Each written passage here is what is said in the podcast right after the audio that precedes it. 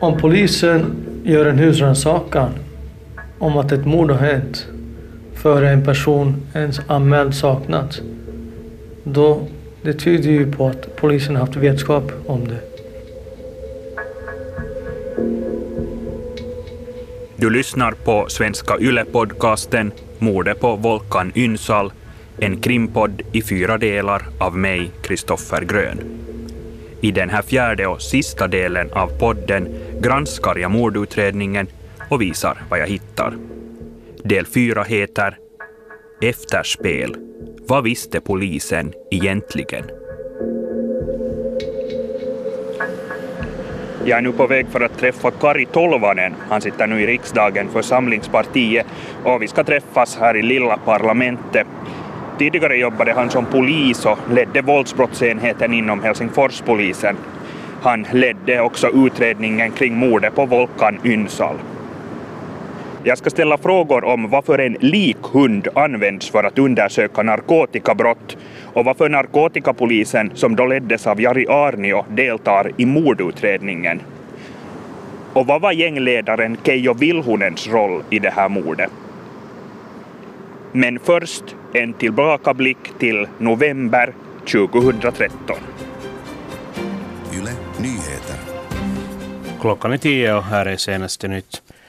Det bolag som chefen för narkotikapolisen i Helsingfors, Jari Arnio, misstänks ha tagit emot mutor av har kopplingar till organiserad brottslighet, skriver Helsingin Sanomat. En av delägarna till företaget Trevok, som säljer övervakningsutrustning, är ett investeringsbolag som är grundat av en syster till ledaren för den kriminella gruppen United Brotherhood. I november 2013 avslöjas de nära banden mellan dåvarande chefen för narkotikapolisen i Helsingfors, Jari Arnio, och gängledaren Keijo Vilhunen. Senare åtalas de båda, både i den så kallade Trevok-härvan och för grovt narkotikabrott.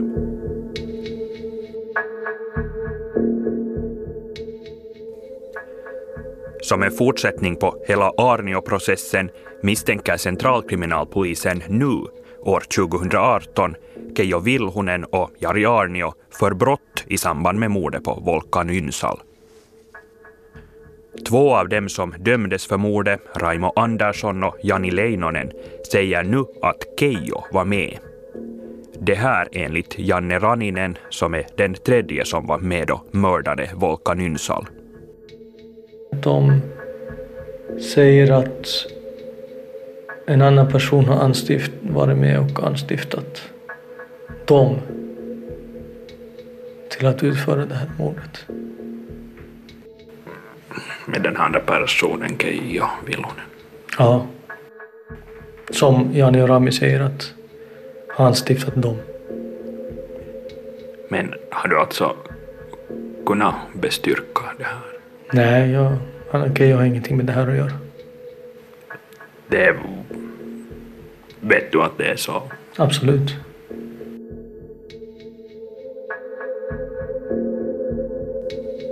Det finns flera kopplingar mellan Keijo Vilhunen och mordet på Volkan Ynsal. Han och Raimo Andersson, som alltså dömdes för mordet, är vid den här tiden medlemmar i samma kriminella organisation. Keijo misstänks för medhjälp till mordet 2004 och förhörs fem gånger. Han svarar inga kommentarer på nästan alla frågor och efter det avskriver polisen misstankarna mot honom. I sig behöver det här inte betyda att någonting är konstigt. I mordutredningen förhörs också andra människor som misstänkta utan att det väcks åtal mot dem. Men när jag sitter och lyssnar på inspelningarna från rättegången får det som Raimo Andersson säger i tingsrätten mig att haja till. Åklagaren ställer frågor till Raimo om ett telefonsamtal mellan honom och Janne Raninen omkring ett dygn innan mordet. I samtalet säger Raimo att mannen nästa dag borde fara ut och festa och så säger han på finska se pitäisi yksikin lähteä juhlimaan. Det vill säga, den där ena borde också fara ut och festa. Åklagaren frågar vem den där ena är och Raimo säger att det kanske är fråga om att de ville ha med Keijo. Därefter börjar Raimo prata mer om Keijos roll. Mutta mä meinaankin tässä koko jutussa ei ole puhuttu paljon Keijosta. Ei, ei joo. Justiinsa. Tämä ihmettelenkin. Raimo förundrar sig över att det inte har pratats om Keijo fastän han har pengar och upprätthåller lägenheten på Kalviksvägen Tarkoittaa Keijo. Keijo oli rahamies ja Keijolla oli rahaa maksaa nämä och Raimo undrar varför det inte har kommit fram i Mitenkään ei ole polisutredningen. tullut kumman, kyllä poliisitutkinnassa mitenkään esille. Sieltä on vaan tavaraa hävinnyt jo ja sitten Jan, Jania syytetään niistä, että se on sitä hävittänyt, kun perkele mä jo kesällä sen kertaalaisen saman kämpän muuttanut. Raimo säger alltså att han kan ha syftat på Keijo när han i telefonsamtalet med Janne ett dygn innan mordet säger att den där ena också ska ut och festa under mordkvällen. Jag upptäcker den här detaljen efter intervjun med Janne Ranninen. Men jag beslutar mig för att ringa upp honom för att få reda på vad det här kan handla om. Raimo är död, så honom går det inte längre att fråga. I polisförhör 2004 svarar Janne inte på frågan vem Raimo syftar på. Nu ställer jag samma fråga 14 år senare. Vem är det han alltså avser? Det vet jag inte. Tyvärr så är inte han i liv så eh, det kan jag inte heller fråga honom. Jag vet inte. Jag kan inte svara för vad andra avser. För att, jag menar, han talar, ni, du pratar med honom Mm. och du säger jo, jo, Mm. vilket skulle tyda på att du åtminstone då förstod vem han syftar på. Ja, det är inte helt säkert om jag svarar bara ja, ja i telefon. Att jag vet vad han syftar på. Men jag vet inte vem han har syftat på. I det här rätten, när han får frågor om det här, Mm. så, så säger äh, Raimo då att, äh, att äh, han syftar på Maksumies Keijo, alltså betalaren Keijo. Okej. Kan det ha varit så? Det har jag ingen aning om. Som jag sa till dig, jag vet inte vad han syftar på. Det är lite svårt att få reda på när han inte lever.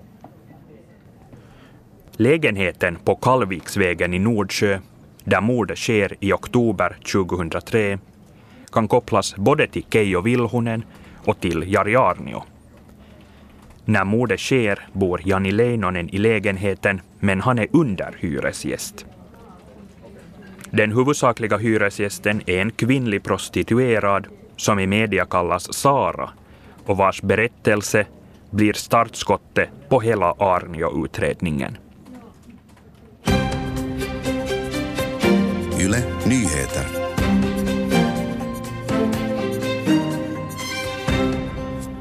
Riksåklagarämbetet bekräftar att man har börjat utreda omständigheterna kring kriminalöverkommissarie Jari Arnios samröre med en prostituerad. Arnio, som är chef för polisens narkotikarotel, påstås ha hjälpt en bekant kvinna att driva prostitutionsverksamhet. Efter mordet för Jani bort soffor och stolar från lägenheten och han förklarade för Sara i telefon med att Keijo har sagt att han kan föra bort dem och att Sara har fått betalt. Hon svarar att så gick det inte alls till och försäkrar sig senare om att han betalar varpå Jani svarar att han ska prata om det med Keijo. När Keijo Vilhunen förhörs av polisen säger han att han inte har pratat med Jani om möblerna.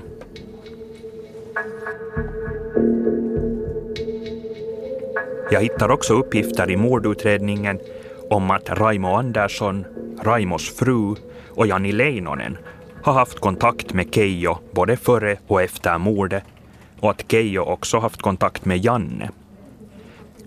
Telefonsamtalen mellan Keijo och någon av de andra finns ändå inte utskrivna i förundersökningen i motsats till många andra telefonsamtal. Keijo säger i ett polisförhör att kontakterna inte har haft att göra med kriminalitet, men vill inte säga mer.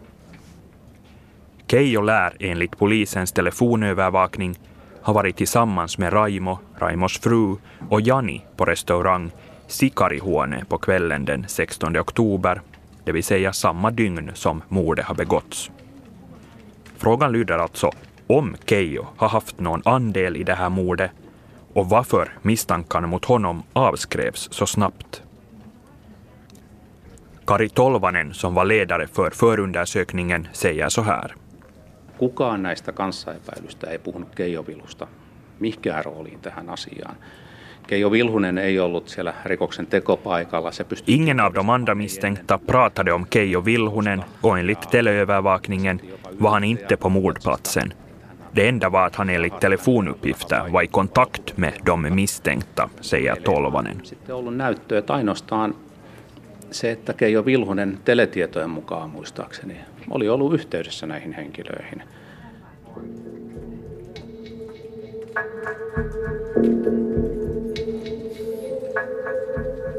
I förundersökningen står att Jannes, Raimos och Janis telefoner var avlyssnade vid tiden för mordet. Jani var teleövervakad sedan augusti medan Janne och Raimo var det en vecka innan mordet. De misstänktes alla för grovt narkotikabrott. I polisens begäran om telefonavlyssning står att Janne Raninen enligt flera uppgifter som anses pålitliga misstänks sprida narkotika. De här misstankarna ger han inte mycket för. Clowneri hela skiten. Jag hade aldrig gjort något narkotikabrott här i Finland. Så varför skulle jag vara avlyssnad för grovt narkotikabrott? Och under hela utredningen som var på ett år och varenda sten vändes så frågades inte en enda fråga angående någon narkotikahandel. Så det är helt klart att det var ett, bara ett svepskäl till att börja avlyssna min telefon och att bedriva spaning mot mig. Förutom Janne misstänkte polisen också Raimo för att importera och sprida narkotika. Dessutom finns minst en misstänkt till, nämligen Keijo Vilhunen. Därför har polisen vid tiden för mordet teleövervakning på honom.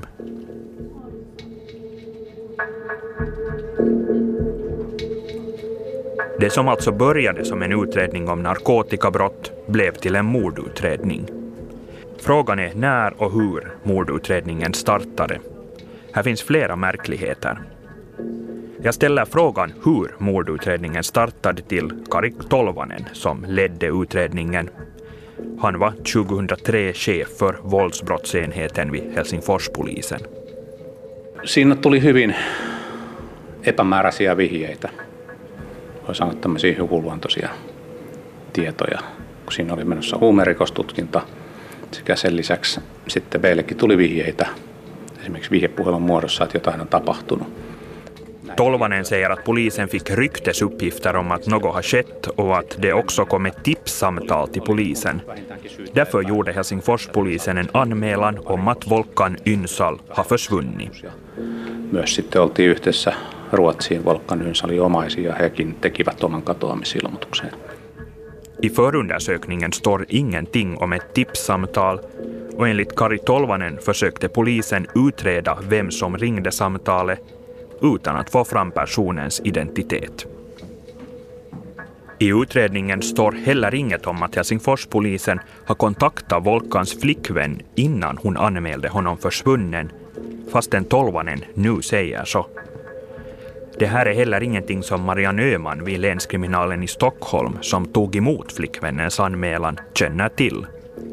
I förundersökningen om mordet står att Helsingforspolisen den 21 oktober gjorde en anmälan om att Volkan Ynsal har försvunnit efter att Stockholmspolisen har tagit kontakt. Jag ber Öhman ta fram den anmälan som Volkans flickvän gjorde. Tror du att du har den alltså där? Ja, jag har den där här någonstans. Men jag, jag har ju liksom inte någon... Här är den. Ja, just det. Här är den. Vilket datum anmäls Volkan försvunnen? Han anmäls försvunnen av flickvännen den 23 oktober 2003. Frågan lyder alltså varför det i förundersökningen står att någon från Stockholmspolisen kontaktar Helsingforspolisen om att Volkan försvunnit två dagar innan hans flickvän gör en anmälan om försvinnande. Datumet 21 oktober är inte ett slarvfel eller misstag eftersom det förekommer också på andra ställen. Det finns uppgifter om att en svensk polis dagarna innan den 21 försökte kontakta Volkan, men Öman tror inte att den här polisen misstänker att Volkan har försvunnit. Ja, som jag vet idag så är det ju att eh, det var ju ingen som visste var han var. Eh, och det var ju ingen som, vad vi visste här i Sverige, att eh, han skulle vara mördad. Utan eh, han sökte ju mer honom för att han ville komma i kontakt med honom. Eh, och eh, Volkan kunde ju ha varit eh, rest någon annanstans. På de grunderna så gjorde ju inte han någon anmälan. Det, det fanns ju inte sådana uppgifter. Utan jag tror mer att den polisen sökte honom bara för att prata med honom eller få någon kontakt. Datumet 21 oktober lever vidare i tv-program och tidningsartiklar om mordet. Det berättas att det är då Volkan Ynsals flickvän kontaktar Stockholmspolisen, fastän det i själva verket är först två dagar senare, den 23 oktober. Och det som händer däremellan, alltså den 22 oktober, väcker ännu fler frågor. En likhundsförare, alltså en polis med en hund skolad att hitta spår av lik, berättar i förundersökningen att han den 22 oktober har undersökt Nordsjölägenheten och att han då visste att där misstänks ha skett ett brott mot liv. Det här sker alltså dagen innan Volkans flickvän anmäler honom försvunnen och över en vecka innan förundersökningen om mord inleds. Jag ringer likhundsföraren, men han säger att han inte kan säga mer än vad som finns i förundersökningen. Enligt Kari Tolvanen, som ledde mordutredningen, finns inget märkligt med det här. Ei tässä ole yhtään mitään autoa. Tämä on ihan normaali menettely, jos poliisille tulee vihjetietoa tietoa siitä, että on mahdollisesti tapahtunut joku henkirikos tai vakava rikos, totta kai on velvollisuus käynnistää tutkinta heti. Om polisen får tips om att det möjligtvis har skett ett allvarligt brott bör utredningen inledas direkt. Polisen utredde om det hade skett ett brott mot liv. Det är inget märkligt med det, säger Tolvanen. On saatu selvyyteen, mitä siellä nyt on mahdollisesti tapahtunut. För att gå in i en lägenhet behövs ändå en konkret brottsmisstanke och dessutom ska ett protokoll över husrannsakan göras upp. I mordutredningen finns inget protokoll över den här husrannsakan. Kari Tolvanen förklarade med att orsaken till husrannsakan var misstankarna om narkotikabrott, trots att likhundsföraren i förhör säger att det finns misstankar om att det har skett ett brott mot liv i lägenheten. No kun mä jotenkin muistan, en, en ole nyt varma kuin 15 vuotta aikaa, että tämä kotietsintä tehtiin törkeällä huumausainerikoksella sillä perusteella. Ja siinä yhteydessä selvitettiin, että onko tässä henkirikosta syytä epäillä, eli onko käynnistettävä esitutkinta. Tolvanen säger att han minns att husrannsakan gjordes på grund av misstankar om grovt narkotikabrott och i samband med det undersöktes om det finns misstankar om brott mot liv. Orsaken till att en likhund tas till en lägenhet för att undersöka narkotikabrott beror på att polisen samtidigt utredde brott mot liv, säger Tolvanen. Polisen utredde alltså brott mot liv fastän den egentliga förundersökningen ännu inte hade inletts.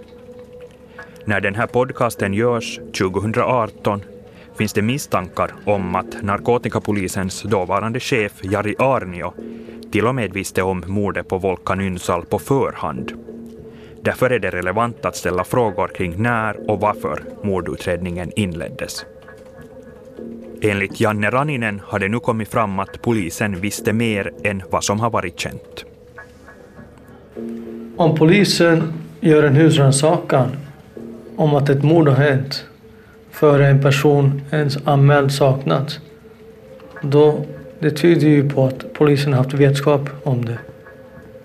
Och vilka poliser som har haft vetskap om det och hur mycket vetskap om det har de haft. Så vad jag nu har förstått så har de vetat, har de haft detaljrik vetenskap dagen efter att morden har begått. De har vetat dagen efter mordet har begåtts så har de vetat, har de haft detalj, detaljrika uppgifter på vad har hänt och hur det har hänt. Alltså inom Helsingforspolisen? Ja, Helsingfors vålds,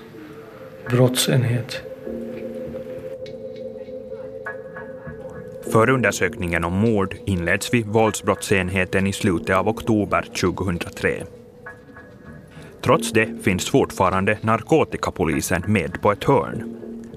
I november begär nämligen narkotikapolisen laboratorieundersökningar av DNA-prov och fingeravtryck som har hittats i mordlägenheten i Nordsjö.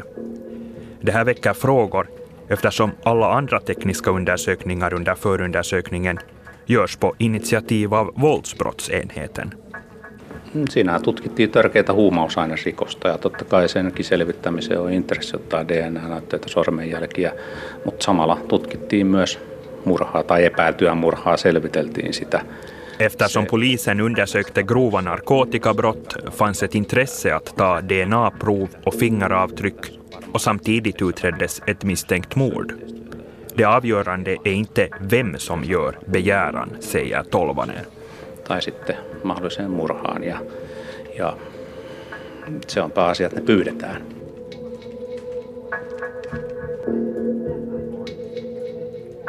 Narkotikapolisens inblandning i mordutredningen slutar inte här. Den polis som förhörde Janne Raninen jobbade vid narkotikapolisen, vilket han reagerade på. Och jag frågade ju honom då att hur kommer det sig att en narkotikapolis sitter här som utredare? Då påstod han att eftersom han är finlandssvensk och han kan svenska, eller jag vet inte om han är finlandssvensk, men han kan svenska i varje fall, så att det är därför han håller i mina förhör och att han littererar mina telefonsamtal. Men jag visste ju att det finns även många andra inom polisen som kan svenska så inom våldsbrottsenheten, så varför skulle han vara där? Så det är ju självklart att efterhand nu tänkt att det är Arnio som har placerat en av sina egna killar i våran utredning för att få så mycket information och att styra utredningen på ett visst håll. Kriminalöverkonstapeln som förhörde Janne åtalades för grovt missbruk av tjänsteställning och brott mot tjänsteplikt i samband med Arneo-härvan, men han friades av tingsrätten. Jag försöker få en intervju med Jari Arnio, men eftersom han nu är misstänkt för brott i samband med den här mordutredningen skriver han i ett mejl att han inte kan svara på frågor.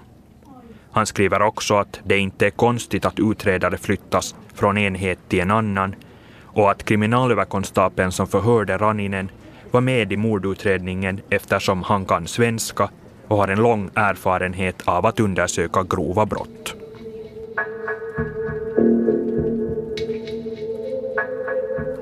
En relevant fråga återstår fortfarande. Hur gick det med misstankarna om narkotikabrott som riktades mot Janne Raninen, Raimo Andersson, Jani Leinonen och Keijo Vilhunen? Jag frågar Helsingforspolisen och får ett svar per e-post. Svaret lyder Utredningen avslutad, inte till åtalsprövning.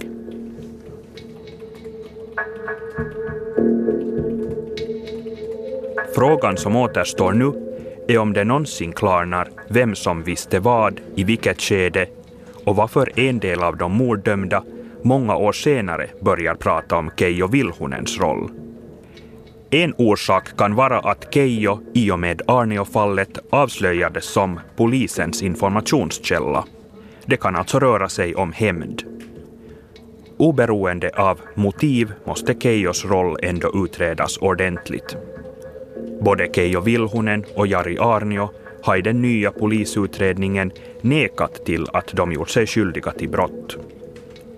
Den utredningen råkade våren 2018 ut för ett hårt bakslag. En av de centrala personerna i hela det här fallet, Raimo Andersson, dödades av en annan kriminell.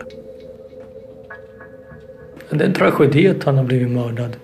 Precis som alla andra som har blivit mördade. Och det är ännu bara ett bevis på att kriminellt liv inte är värt att leva. Eller hur ska jag säga att att man ska göra annat i sitt liv än att leva ett kriminellt liv. För tyvärr så har ett kriminellt liv ofta slutet att man blir mördad, att man mördar någon annan. Det finns inget lyckligt slut i det kriminella livet. Så det är ännu ett bevis på det.